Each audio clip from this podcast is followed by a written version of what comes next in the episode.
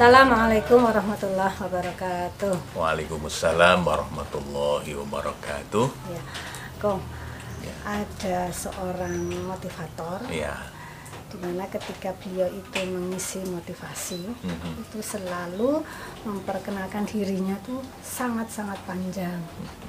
Bahkan ketika beliau itu menulis CV itu juga banyak sekali panjang sekali. Ya. Eh, ada apa ya, Kong? Apakah itu termasuk wajaran atau sombong. sombong? Iya. Mungkin yang bersangkutan belum selesai ya dengan dirinya sendiri sehingga masih memerlukan pengakuan dari orang lain.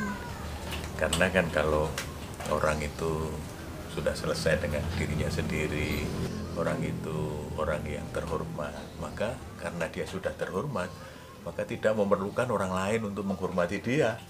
Tapi kalau dia perlu orang lain, banyak orang untuk menghormati dia, sebetulnya kan dia belum cukup terhormat. Nah, mungkin saya menduga beliau ini masih dalam proses untuk membuat dirinya pantas untuk disebut sebagai orang yang terhormat. Dia masih berusaha untuk memantaskan diri. Nah, makanya karena dia tidak yakin bahwa presentasinya itu nanti akan Baik. mengesankan, akan baik, maka dia mulai dengan penayangan CV yang panjang dengan misalnya kuliah di sini, cum laude, lalu prestasinya menjadi konsultan di sana sini. Tapi itu kadang-kadang justru bisa menjadi jebakan. Karena apa? Ketika dia mendeskripsikan dirinya sebagian hebat, terus nanti ketika sesi motivasi, sesi presentasinya Malah tidak. bagus, orang kan oh ini cuma orang ingin apa menampilkan kehebatan diri tapi sebetulnya yang bersangkutan tidak begitu hebat.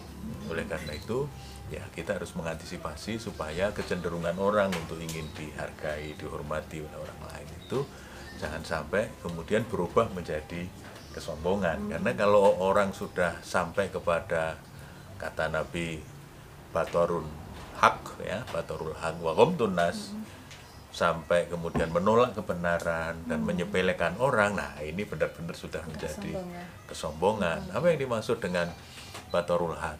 Yaitu ya dia tidak bisa menerima kritik, dia tidak bisa menerima saran dari orang lain. Dia tidak bisa menerima kebenaran dari mana pun datangnya. Itu dia dia menolak itu. Karena dia Merasa merasa dirinya. oh, oh dirinya yang lebih tahu, lebih pintar, lebih mengerti. Itu juga berakibat yang kedua, meremehkan orang lain. Iya kan? Karena dia merasa lebih tahu, lebih hebat, lalu Orang dia lain nggak tahu. merasa orang lain tidak tahu.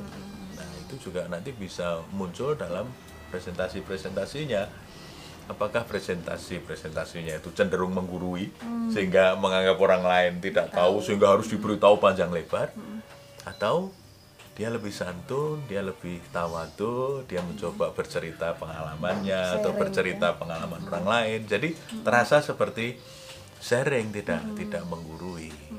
Jadi memang kita harus hati-hati agar kecenderungan orang untuk pengen dihargai, pengen dipuji misalnya itu tidak cenderung menjadi sebuah. kesombongan. Karena pernah pada suatu ketika ada seorang presenter atau seorang motivator itu yang bagus sekali di dalam memberikan motivasi. Dan ketika turun dia tanya kepada peserta bagaimana tadi sesi saya? Nah kebetulan pesertanya ini luar biasa. Dia jawab bagus sekali pak. Kurangnya cuma satu. Apa? Bapak bertanya kepada saya. Nah, itu kan sebetulnya pertanyaannya itu Sombong kan. juga ya? ah, iya kan dia Ah. ingin mendapatkan Mendapat pengakuan. pengakuan langsung. Iya. wah oh, bagus Bagus, sekali pak. Bagus. Ah, misalnya begitu. Iya, iya, jadi iya. kebetulan ini pesertanya bagus sekali. Nih "Hmm, kurangnya cuma satu pak. Ya bapak istilahnya itu Dadak takon iya iya. kan? Bapak pakai bertanya kepada saya itu saja kurangnya tadi. Sebetulnya kalau ndak nanya udah Bagus. bagus sekali ya Nah, tapi eh, wajar nggak? Atau apakah orang itu ada tahapannya untuk pengen diakui orang lain? ya sangat Sebabnya bisa. apa itu ya? sangat bisa dipahami kan orang itu semuanya ingin dianggap penting ingin dihormati ingin dihargai. Konon setiap bayi lahir itu ada stempel di keningnya itu. Make me impotent tulisannya itu wow, hargai saya. Penting. pentingkan saya kan gitu. Jadi ada naluri orang. Ya, guyonannya kan begitu ya ada naluri orang itu untuk ingin dihargai ingin dihormati itu wajar saja. Nah yang harus kita jaga adalah kenapa kita justru memilih untuk bersikap rendah hati bersikap tawadu to be humble. Itu karena Rasulullah Muhammad Shallallahu Alaihi Wasallam dalam riwayat Muslim itu bersabda begini wama tawa doa ahadun lillah. Jadi siapa yang bersedia atau bisa rendah hati. Ya, seseorang itu bisa rendah hati lillah. Ya, karena Allah hanya untuk Allah semata. Illa rafa'ullah. Allah akan mengangkatnya. Jadi justru derajatnya akan ditinggikan oleh Allah. Kalau kita ini tawadu rendah hati. Iya. Tapi kalau kita malah menunjukkan kesombongan, orang kan ini kok presenternya Somse. terasa somse gitu ya. Tapi kalau dia rendah hati, kelihatan biasa, ternyata kemudian presentasinya bagus sekali atau isinya sangat menginspirasi, orang pasti akan lebih terkesan.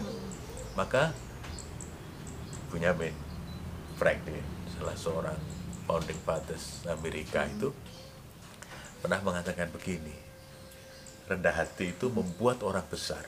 Itu nampak dua kali lebih terhormat, Oh, dua kali lebih besar karena dia rendah Rendah hati. hati. Tapi kalau sombong ya orang ya bi- biasa saja. Tapi kalau ada orang besar tapi kok rendah hati, nah orang akan lebih simpati, orang akan wah luar biasa. Meskipun dia hebat tetapi dengan penampilan, dengan tutur kata yang humble, yang rendah hati.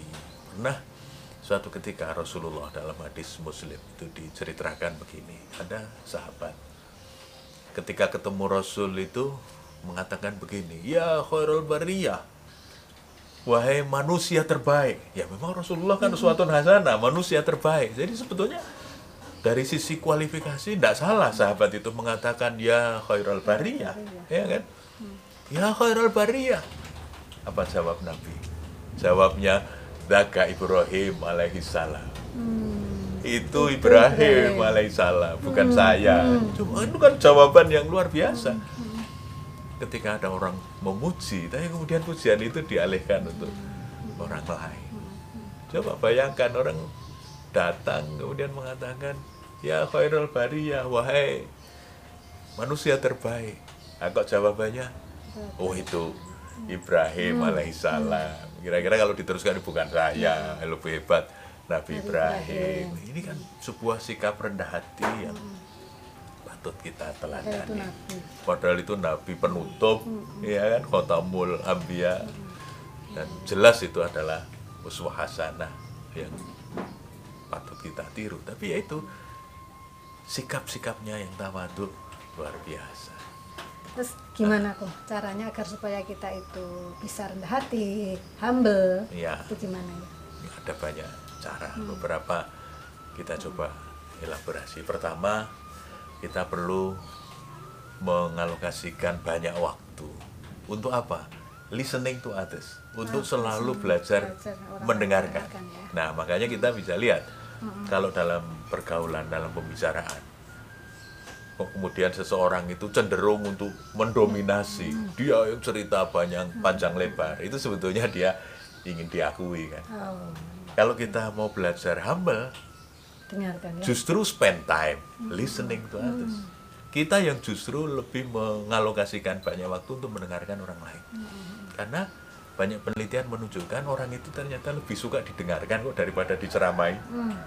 Nah, kan lebih baik sebagai orang yang rendah hati ketika ada orang bicara, dengarkan dulu sampai selesai. Maka kalau kita jadi pimpinan, saya hanya pimpinan rapat ya jangan suka memotong pembicaraan. pembicaraan anak buah yang sedang melaporan atau menyampaikan usulan. Biar selesaikan dulu.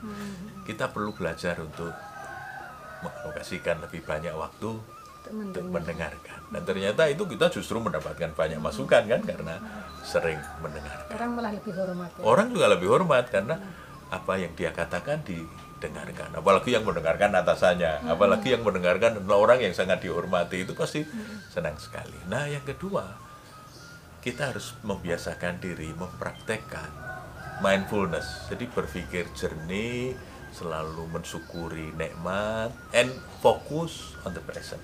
Fokusnya itu pada yang sekarang.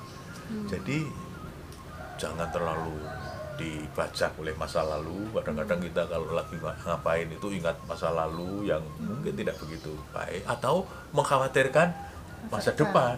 yang juga belum tentu kan? Jadi fokus kita lebih kepada yang sekarang. Nah maka perhatikan saja apa yang sedang kita alami apa yang sedang kita lihat. Nah, nanti kita mencoba melakukan positioning yang jangan tinggi-tinggi kan maka ada istilah jangan ada matahari kembar.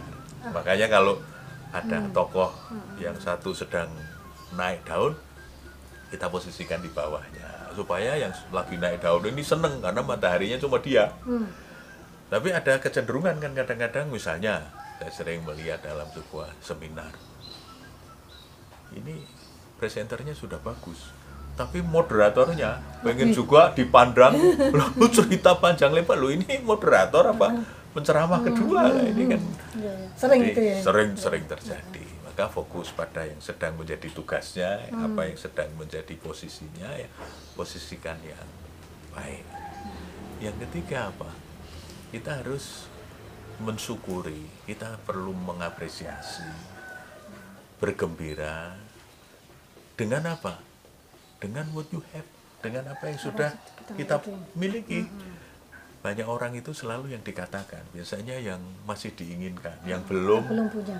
dia miliki. Miliki. sampai lupa dengan banyak hal yang sudah dia lalui yang sudah dia miliki yang telah Allah berikan ke kita nah maka orang yang tawadu biasanya tidak banyak mengungkapkan ini itu yang itu masih menjadi angan-angan menjadi cita-cita tapi dia lebih menghargai lebih mensyukuri ini alhamdulillah gitu ya apa yang sudah Allah berikan kepada kita nah yang keempat kita tidak perlu malu. Untuk apa? Minta bantuan when you need it. Jadi kalau kita ini memang pengen dibantu, ya ngomong aja, sampaikan aja. Karena yang membantu itu ternyata juga seneng tuh dimintai bantuan. Misalnya ada orang datang, Mas, gimana ya caranya begini? Oh coba yang begini-begini lah. Misalnya kita memberikan sesuatu itu ternyata juga menyenangkan hati apakah kemudian yang minta tolong itu kemudian merendahkan posisi enggak juga kalau memang kita kesulitan mengatasinya sendiri ya minta bantuan orang lain. Enggak apa-apa kita minta bantuan. Karena yang dibantu itu juga seneng kok. Yang dimintai bantuan itu juga seneng. Seneng. Nah yang terakhir selalu berusaha untuk ingin mendapatkan feedback ya dari orang lain on a regular basis. Jadi kita ingin mendapatkan masukan, feedback, umpan balik dari orang lain itu terus menerus. Jadi jangan sungkan untuk minta komentar, Penilaian. minta penilaian, minta saran dari orang agar kita menjadi lebih baik di masa-masa yang akan datang. Oleh karena itu pemirsa, hidup hanya sekali. Rendah hati akan menuai simpati. Rendah diri membuang kesempatan berprestasi. Assalamualaikum warahmatullahi wabarakatuh.